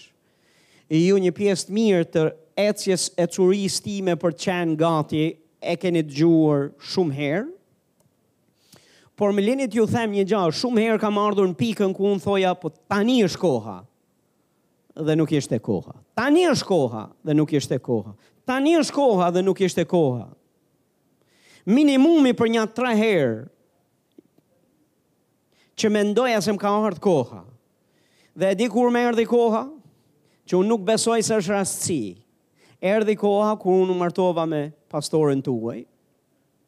Dhe jo vetëm krijuam familje edhe uh, Iu futëm punës për lindjen e fëmijëve. Po menjëherë sapo lindën binjakët, Zoti na thirri dhe na thirri të dyve në martesë. Më falni të dyve në shërbesë. Dhe ju jeni më të më të balancuar, pastor, jeni më të balancuar për shkak se ne Jemi së bashku në besëlidhje martesore. Pastor, më lini t'ju jap një detaj dhe t'ju tregoj se sa rëndësi ka martesa dhe partneriteti dhe sa leverdi ka jo veç për burrin, po sa leverdi ka edhe për ata që shërbehen në shërbesë prej martesës. E di kur unë kur ne u martuam, Pastorja juaj donte shumë njerëzit. Dhe uh, thërriste njerëz në shpi, gatuante dhe vetëm thoshte sot kemi kam lënë të vijë filania, nesër filani, pasnesër kjo familje, pasnesër edhe me ka, në fillim me thënë të drejtën isha në mes të muajit të mjaltit dhe isha në mes të asaj uh, e dini vetë ju Dhe shumë nga këto gjëra fillova thasha se e ka një herë, ose e ka dy, do t'i kalojë rrugës. Ore nuk i kaloi, çdo ditë ishte kjo. Dhe erdhi një pikë ku fillova të e ula dhe i thashë, të lutem zemër, thashë, a ka mundësi të na bësh pak pushim nga njerëzit? Tani më pëlqente shumë sepse kushdo që vinte ishte e dukshme lidhja dhe dashuria dhe ajo uh, marrëdhënia që kishte me njerëzit, sepse donte t'ju jepte vëmendje, dashuri, këshillim, ndihmë dhe i donte njerëzit rreth meje. Unë për shkak të kaluarës time dhe gjërave që kisha përjetuar në jetë, jo të mira, unë i doja njerëzit larg. Dhe pastore kisha krijuar këtë lloj, këtë lloj karakteristike dhe zakoni që erdhi pastorja juaj dhe ma prishi. Ju thoni, ju pastaj vendosni a ishte e mirë apo jo. Unë me vite për të mbrojt veten time dhe për të mbrojt për shkak gjërave që kaloja, kisha vendosur që të dil, vetëm dilja përpara njerëzve në podium, kështu siç jam sot, dhe e kisha zhvilluar dhuntinë e të shërbyerit dhe vajosja e Zotit ishte e madhe mbi mua dhe njerëzit bekoheshin prej meje në shërbesë. Menjëherë mbas shërbesës Dhe nuk rrija me njerëzit. Tani unë kisha arsye pse s'rrija me njerëzit. Sepse kisha lënë disa gjëra që të më ngurtësonin, edhe kisha lënë një sërë gjëra që të t'u rrija në distancë njerëzve, sepse nuk doja që t'i lëndoja dhe të lëndoheshin edhe kisha disa arsye shumë serioze. Po duke bërë këtë praktikë, unë isha ngurtësuar pa dashje, pa e kuptuar, isha kthyer në një njeri të ftohtë me njerëzit, që i doja vetëm nga podiumi. Kur erdhi pastorja juaj, ajo filloi t'i sjellë në shtëpi. dhe filloi t'ju gatuaj. Edhe kur filluan të vinë njerëzit, e mbaj mend disa prej atyre të parëve që erdhën dhe më thonin, "Ej, qenke alamet, shër, alamet njeriu." Ti qeshke. Ti qenke vërtet. Wow! Sepse ne mendonim, e mbaj mend disa që më thonin, "Ne mendonim se ti je i paarritshëm, ti je i paprekshëm." Me ty nuk flitet. Se është Zoti e je ti. Dhe në fakt, unë kisha kultivu një zakon jo të mirë të tillë, që iu rrija në distancë njerëzve dhe kjo gjëja këtu më kishte ngurtësuar mua. Dhe në fakt, sa shumë kisha pas nevojë për njerëzit, unë nuk e kuptoja. Sa shumë kisha unë nevojë për ato qeshjet me njerëzit, ato komplimentet, atë thyerjen e bukës, atë të qenit njeri dhe njerëzor, të lozurit apo të bërët, kalimit kohë me njerëzit e kisha jetike për mua, po u rrija njerëzve për arsye që kisha kaluar. Dhe mbaj mend një herë që pastorja juaj më bën një pyetje dhe më thotë, a të bëj një pyetje, zemër, thotë se Kjo gjëja këtu, e kam vënë re dhe më shqetëson. Ndihmë leverdi, apo jo? Dhe më thotë, zemër, kë ke shok ti? Shok? Tha shok Kam plot. Kam Mirgenin. Kam Mondin. Pastaj kam Mondin. Kam Mirgenin. Mirë moj zemër tha ti paske, paske gjithë ato shokë, një e para. Po tha edhe me këta dy nuk e shof tha se ti rri shumë. Dhe ishte një pyetje nga ato një milion dolarëshet. Dhe u ktheva i thashë zemër, hapa zemrën time dhe fillova t'i tregoj, edhe filluam që të bisedojmë, e të hap zemrën dhe t'i thoja se çfarë më kishte sjellë mua në këtë pikë. dhe i kërkova ndihmë. Dhe gruaja ime e di, i kam thënë zemër më ndihmo, sepse në këtë pikë unë jam transformuar, kam ndryshuar jo për mirë, kam nevojë për ndihmë. Dhe është ajo në fakt që më shëroi dhe më ndihmoi që të jem më njerëzor dhe i prekshëm me njerëzit. Mbas kësaj, Zoti na thirri për të shërbyer si pastorë. Dhe ata që kanë thirrje pastorale duhet ta dinë që thirrja pastorale është me njerëz. Dhe nuk është vetëm mbas podiumit, por që të ulesh, të rrish, të punosh, të shërbesh, të këshillosh dhe të rrish pranë tyre dhe të mbash, mbash erë dele Është pjesë e shërbesës. Dhe nëse s'do kishte ardhur kjo ndihmë leverdi, ekziston mundësia të isha sjellë nëpër shkretirë edhe nja dyzet vjet. Po ja që Zoti më kompensoi dhe më solli pjesën që më leverdis, partner, partneren e jetës, që më, më ka bekuar mua e është bekim edhe për ju. Kështu që lavdroj Zotin për këtë pjesë. Haleluja! Jam i sigurt që nëqoftëse ajo do të fliste sot, do ta merrte mikrofonin, jam i sigurt që do fliste për gjëra, kualitete të jetës time që ia kanë bërë jetën asaj më të mirë. Por kualitetet e njërit me tjetrit, kur kanë hyrë, kanë pasë bekimin e Zotit, na kanë forcuar. Ne shpesh herë ndalojmë dhe i themi njëri-tjetrit, zemër, Ajo thotë, Unë jam gjallë sot dhe besoj se shumë nga betejat e jetës time sot i kam fituar sepse jemi bashkë dhe i kemi kaluar falë besimit të të dyve, falë edhe mbështetjes tënde në betejat e jetës. Unë gjithashtu. Dhe në fillimet e para mendoja, se vetëm unë do të jem ai dhënësi dhe vetëm unë nuk do bie asnjëherë dhe nuk do kem nevojë të më ngrejë dikush mua. Po më ka ndodhur nja dy tre herë në jetë, të cilat askush s'i di, po unë dhe kjo grua i dimë.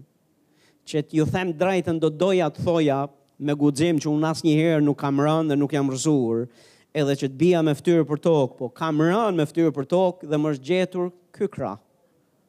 dhe më ka dhënë dorën, më ka qenë burim force për mua dhe jam ngrit përsëri në kambë. Pastor, martesa është bekim nga Zoti. Plani i Zotit është që martesa të jetë partneritet, në partneritet me tjerët. E di, jeta mund të jetohet dhe vetëm. Po mund të jetë shumë më e ëmbël e më e mirë kur ke një partner që është plot me Zotin, Edhe që është mbështetje e bekuar prej Zotit. Dikush thot amen. Janë edhe dy pika të tjera për sot dhe pastaj do flasim rrugës. Plani i Zotit për martesën pika 5 është që njeriu të krijojë familje të reja. Zanafilla dy vargu njëzet e katër na e thotë këtë gjë, Për këtë arsye, thotë njeriu, do të braktisë babain dhe nënën e tij, edhe do të bashkohet me gruan e tij dhe do të jenë një mish i vetëm. Qëllimi pse duhet lënë babai dhe nana është që të krijohet një familje e re. Tani, nëse do flisja pak për martesën, dhe se sa rëndësi ka ndjekja e këtij manuali, do të merrnim shumë kohë. Po më leni t'ju them një detaj. Kulturat e njerëzve kanë shpikur ide të reja, të cilat janë në kundërshtim me këtë fjalë, dhe kjo është arsyeja pse vuhet dhe martes, shumë martesa edhe shkatërrohen dhe divorcohen pikërisht sepse familja e re, Burri dhe gruaja kur hyjnë në martesë në fillim nuk shkëputen nga autoriteti i prindërve, nuk shkëputen nga përkujdesja dhe sigurimi i tyre dhe roli i tyre i mëpërparshëm, edhe ka dhe nga ata të cilët nuk shkëputen as fare nga një çati, por rrinë në një familje, familje e madhe. dhe për shkak se rrinë në këtë kontekstin e familjes madhe, vuajnë. Vjerra është quhet vjerrë, se të vjerr sot, për arsye se të rrish me vjerrën dhe ti të hysh mes vjerrës dhe burrit vjerrës, gruaja të hyjë aty nisin, ka ca, ca, ca xhelozira dhe ca gjëra të cilat aktivizohen, që nuk do aktivizoheshin në qoftë se gruaja, nusja e re, do ishte në shpi të vet. edhe vjerra në shpi të vet. Dhe të ishte roli i shkëputur e i autoritetit dhe influencës. Pastor, sa e hapa kapakun e pusetës se shof, nuk e di a m'del koha për me e mbyll, me e mbyll apo jo, po më lini t'ju them një gja, martesa do të jetë e bekuar e paqtë, kur të dy të rinjtë shkojnë dhe kanë intimitetin e tyre, shkojnë në, në, në shpinë e tyre, në familjen e tyre, dhe gruaja është e domosdoshme që nusja e re, gruaja ta shohë burrin e vet si autoritetin e vet dhe të mësohet që të jetojnë ata të dy ndaras nga të tjerët. Më lini t'ju them që ka martesa të cilat divor, përfundojnë në divorc për ndërhyrje të prindërve të njërës palë a të palës tjetër.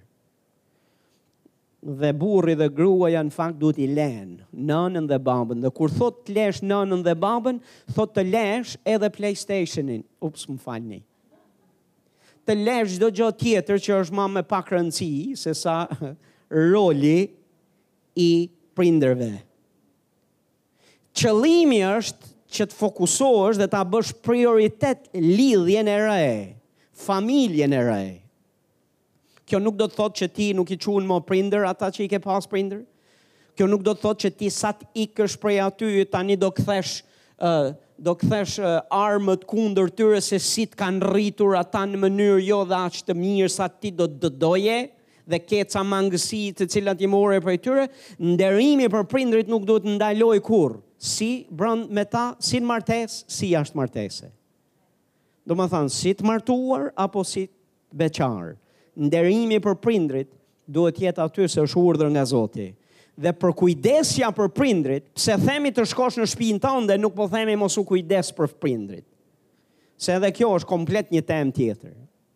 dhe të harrosh e t'braktisësh prindrit tu dhe mos kujdesesh për ta. Jezusi flet, ju thoni, se përkujdesja për prindrit është sakrificë që meriton shpërblim, dhe në fakt nuk është sakrificë që meriton shpërblim. është detyrë, është detyrim përkujdesja për prindrit. Dhe kur ne i nderojmë prindrit dhe kujdesemi për ta, Ne nderojmë Zotin dhe jemi duke sjellë bekim mbi jetën tonë. Dhe kur martohesh, pastor, dhe del në shpinë tënde, nuk do të thotë që ti nuk i pyet më dhe roli këshillues nuk është më aty. Jo, roli këshillues është aty, roli i autoritetit nuk është aty. Ky është ndry, ky është ndryshimi. Dhe që të krijohet dhe rritet një familje e shëndetshme ka nevojë për këtë shkputje. Perëndia vetë thotë do ta lërë babain dhe është urdhër. Për këtë arsye njeriu do të braktisë babain dhe nënën e tij. Kur thotë fjala braktisje është fjalë e fortë, nuk e ka fjalën që do i lëmë pa kujdes, por është duke thënë që do ndahet. Por rëndësi i ka Ëh qëllimi i Zotit është që të krijohen familje të reja edhe të shëndetshme. Ky është qëllimi. Dhe është i nevojshëm kjo shkëputje nga autoriteti dhe roli prindror të ndryshojë nga përkujdesja, nuk janë më prindrit ata që kanë përgjegjësinë për t'u kujdes për çiftin e ri. A e kuptoni? Burri ka rolin e vet, gruaja ka rolin e vet dhe duhet të shkojnë në shtëpinë, shtëpinë e tyre dhe të kujdesen uh, për njëri tjetrin, të jenë bekim për familjen e re e bekim për familjen që kanë lënë. Dikush thotë amen. Atëherë e fundit pastor, Zoti e krijoi martesën për të përmbushur nevoja dhe kënaqësi të burrit edhe të gruas.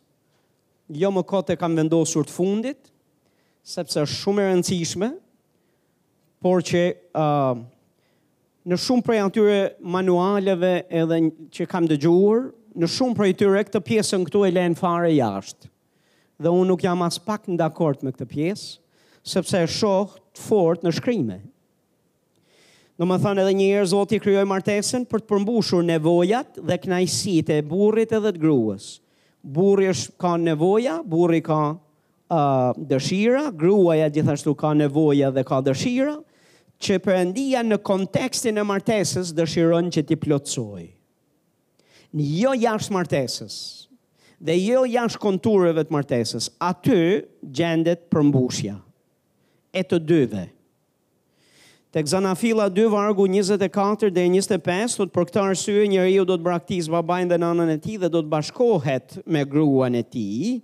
Kjo fjala bashkim është duke fol që do të ketë intimitet me gruan e tij. do të ketë marrëdhënie me gruan e tij dhe do të jenë thotë një mish i vetëm, do të jenë edhe fizikisht të bashkuar me njëri tjetrin. Dhe burri dhe gruaja thotë Burri dhe gruaja e tij ishin që të dy lakuriq, thotë dhe nuk kishin pikë turpi. Haleluja! Dhe nuk sup kjo është krijimi i Zotit. Perëndia i krijoi dhe i krijoi lakuriq me njëri tjetrin dhe thotë nuk kishin turp. Që do të thotë kjo ishte një gjë e pëlqyer. Një gjë e pëlqyer në sytë e Zotit, një gjë e pëlqyer edhe në sytë të, të dyve. Dhe ishte gjë e mirë, nuk është gjë e keqe. Perëndia mund t'i krijonte me rroba, mund t'i krijonte të mbuluar, po nuk i krijoi kështu, i krijoi pikërisht në këtë mënyrë, në mënyrë që të kishin dëshira për njëri tjetrin, të kishin ne, të kishin përmbushjen e nevojave të tyre dhe dëshirave të tyre me njëri tjetrin. Tani pastore shoh që një pjesë e juaja jeni skuqur, një pjesë e juaja mezi po e mbani seriozitetin. Haleluja, po le t'i shohim në shkrime disa gjëra të cilat po që mos të skuqeni shumë ju, proverbat 5, vargu 15 deri 23, se e kam me merak se mos skuqeni. Uh, proverbat 5, vargu 15 deri tek vargu 23. Thotë, Pi ujin e sternës sate dhe ujin e rrjedhshëm të pusit tënd. A duhet burimet e tua të derdhen jashtë si rrëke uji nëpër rrugë? Qofshin vetëm për ty dhe jo për të huajt bashkë me ty. Qoftë i bekuar, thotë burimi yt dhe gëzohu me nusen e rinisë sate. Ça duhet të bësh me gruan e rinisë sate? Ah, haleluja. Gëzoju pra fotove. Unë me këtë ditë më duhet të pi ujë. Thotë, a duhet burimet e tua të derdhen jashtë si rrëke uji nëpër rrugë? Tashi, sa prej jush jeni inteligjent mjaftueshëm për të kuptuar se nuk e ka fjallën për rëke uj. Po e ka fjallën për tjetër gjë. Në rregull, qofshin vetëm për ty dhe jo për të huajt, thotë, bashkë me ty. Që do të thotë qoftë qoftë besnikëria në mes. Qoftë i bekuar burimi yt dhe gëzohu me nusen e rinisë sate. Zoti do dhe shkrimi do që ti të gëzohesh dhe të shijosh gruan e rinisë sate. Drenushë e dashur, gazelë hirplote, që le të kënaqesh kurdoherë, qofsh vazhdimisht i dhënë mbas dashurisë që ke për të. Thotë dhe qofsh vazhdimisht i dhënë Qofsh vazhdimisht aktiv, qofsh jo një herë këtu e një herë mbas 6 muajsh.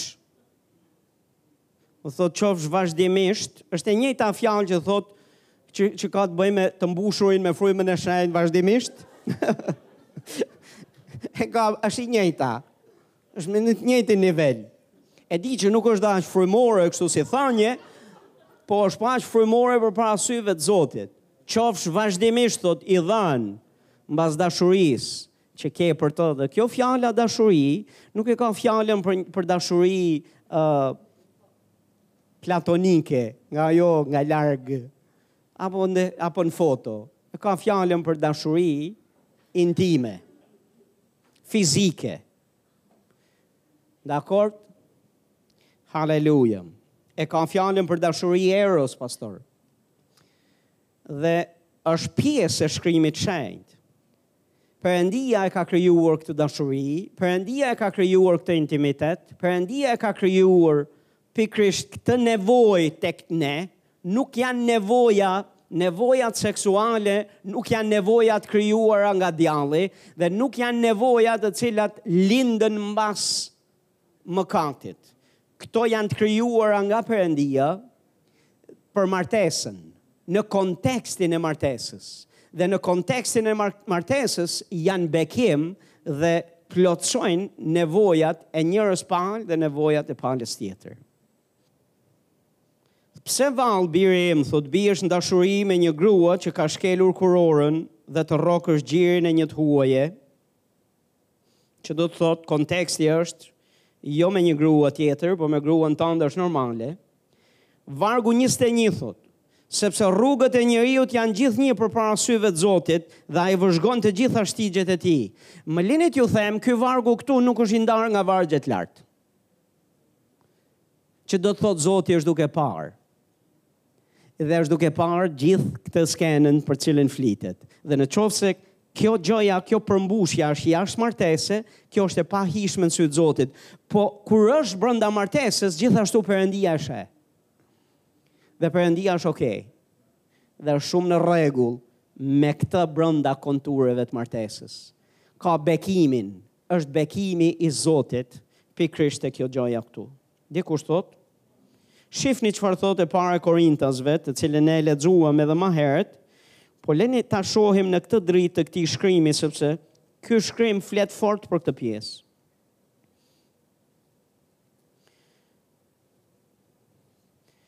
Bibla është e, dikush thotë Bibla është e bekuar. I ka gjitha përgjigjet.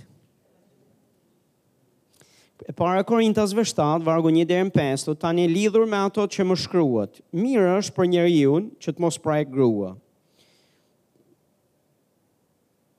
Po për shkak të kurvërimit, thotë, le të ketë secili gruan e vet dhe secila grua burrin e vet. Ça është duke fol vargu 1 na e tregon shumë qartë. që Perëndia nuk do që një burrë të prekë një grua jashtë kontekstit martesor, jashtë këtij institucioni të bekuar e të shenjtë prej Zotit.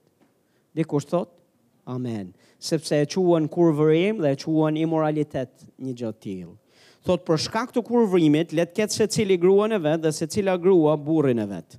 Tani nuk e ka fjalën për një prekje se mos e prek naj grua pa dashje. E ka fjalën për një lloj prekje në kontekstin e dëshirave seksuale ndaj saj. Vargu tre thotë burri le të kryejë detyrën martesore ndaj gruas, po ashtu dhe gruaja ndaj burrit. Për çfarë detyre e ka fjalën? Shifni, thotë, gruaja nuk ka pushtet mbi trupin e vet, por burri. Gjithashtu burri nuk ka pushtet mbi trupin e vet, por gruaja. Thotë mos ia privoni njëri-tjetrit, përveç se në qoftë se jeni marrë vesh për një farë kohe që t'i kushtoheni agjërimit dhe lutjes dhe përsëri ejani bashkë që të mos ju tundojë satani për shkak të mungesës së vetëkontrollit tuaj. Dikush thotë amen. A është e qartë ky shkrim për ça e ka fjalën? Apo, apo nuk është e qartë? Ky shkrim është duke folur qartë që burri dhe gruaja duhet të flenë dhe të kenë vazhdimisht marrëdhënie intime seksuale të shëndetshme me njëri tjetrin. Ky është plani i përkryer i Zotit dhe të dy palët duhet të gjejnë çfarëdo lloj justifikimi që të flenë bashkë dhe duhet të bëjnë të vdesë çfarëdo lloj justifikimi pse mos të flenë bashkë. Dhe të gjithë të martuarit të thonë Amen. Pastor, amen. Tani vini re pak çfarë thotë. Mos ia privoni njëri tjetrit përveç se në qoftë se jeni marrë vesh për një farë kohe që t'i kushtoheni agjërimit dhe lutjes. Dhe përsëri ejani bashkë që të mos ju tundojë Satani. Shiko çfarë thotë, për një farë kohe që t'i kushtoheni agjërimit dhe lutjes. Tani kemi plot gra dhe burra agjërues dhe lutës të mëdhenj. Bibla thotë për një farë kohe. Dhe thotë në u merreni vesh. Perëndia vendos dhe jep më rëndësi këtij intimitetit, sesa justifikimit dhe për gjëra kaq madhore e frymore siç është agjërimi dhe lutja. Domethënë, Zoti do që të agjërosh, Zoti do që të lutesh, por thotë ma përpara, merruni vesh bashkë. Dhe në qoftë se nuk jeni marrë vesh bashkë, mos shko fare te Zoti, as mos u lut dhe as mos agjëro, se është për Zotin, nuk është mirë në sytë e tij. Zoti do të thotë shko hik, Kthehu një herë, leje agjërimin, leje këtë lutje, ik e merru vesh një herë. Dhe i jep shumë rëndësi. Tani, agjërimi dhe lutja, pastor, realisht që janë janë praktika frymore të cilat kanë të bëjnë direkt me shëndetin tonë frymor dhe me ecurinë e jetës tonë, për, nga ana frymore. A është kështu apo jo? Dhe Pali e çon edhe në këtë nivel që do të thotë mos ia privoni njëri tjetrit qoftë dhe për këtë gjë që është me kaq rëndësi dhe me kaq peshë. Imagjino për justifikime të tjera të cilat as nuk duhet të jenë në listë. Nga të dyja palët. A jeni këtu? Nga të dyja palët. Tani pastor. Unë sot vetëm hapa kapakun. Sepse siç vjen një një një burrë te ky vend te kjo poz te kjo te ky te ky moment nuk ven vjen gruaja por në qoftë se një martese i mungon ky intimitet kjo gjë është tepër anormale dhe pastor është alarm i jashtëzakonshëm për shëndetin e martesës Dhe sipas shkrimit thotë mos ja privoni njëri-tjetrit që të mos ju tundojë satani për shkak të mungesës së vetëkontrollit. Ka një përmbushje nevojash fizike të cilat janë, janë domethënë janë përmbushje, është var, te varësia e njëri-tjetrit. Janë nevoja fizike, nevoja biologjike që Zoti ja ka dhënë burrit, ja ka dhënë gruas që të përmbushen në martesë. Në qoftë se ky privim është aty, në qoftë se kjo mungesë është aty, atëherë tundimi do të jetë shumë më i lehtë. Atëherë i ligu do të vijë dhe do të tundojë dhe, dhe dhe individët që janë të martuar do ta do t'i përmbushin nevojat e tyre, po do i përmbushin në mënyrë të pahijshme në sytë e Zotit. Dhe do të bien pre e lehtë e tundimit. E di sa martesa dhe sa divorce dhe sa martesa kanë kanë janë shkatërruar pikërisht për shkak të mungesës së vetëkontrollit apo mungesës së një jete seksuale të shëndetshme. Për shkak të mungesës, për shkak se gruaja ka plot justifikime, për shkak se burri ka plot justifikime. Okej, gruaja ka justifikime për të thënë jo. Burri ka justifikime sepse do vetëm këtë gjënë këtu. Dhe kjo gjëja këtu nuk jepet pa kalu disa shkallë. Sepse gruaja ndihet e përdorur, gruaja ndihet ndihet jo mirë dhe e abuzuar në qoftë se nuk paguhet çmimi i dashurisë, i përkujdesjes dhe një sërë gjërave të tjera, Në mënyrë që ta sjellë të vijë gruaja në këtë pikë. Dhe Zoti i ka vendosur disa nevoja që të plotësohen te ajo tek burri dhe prioritet nganjëherë për të nuk është kjo. Për burrin kjo është prioritet, sa të hapë sytë.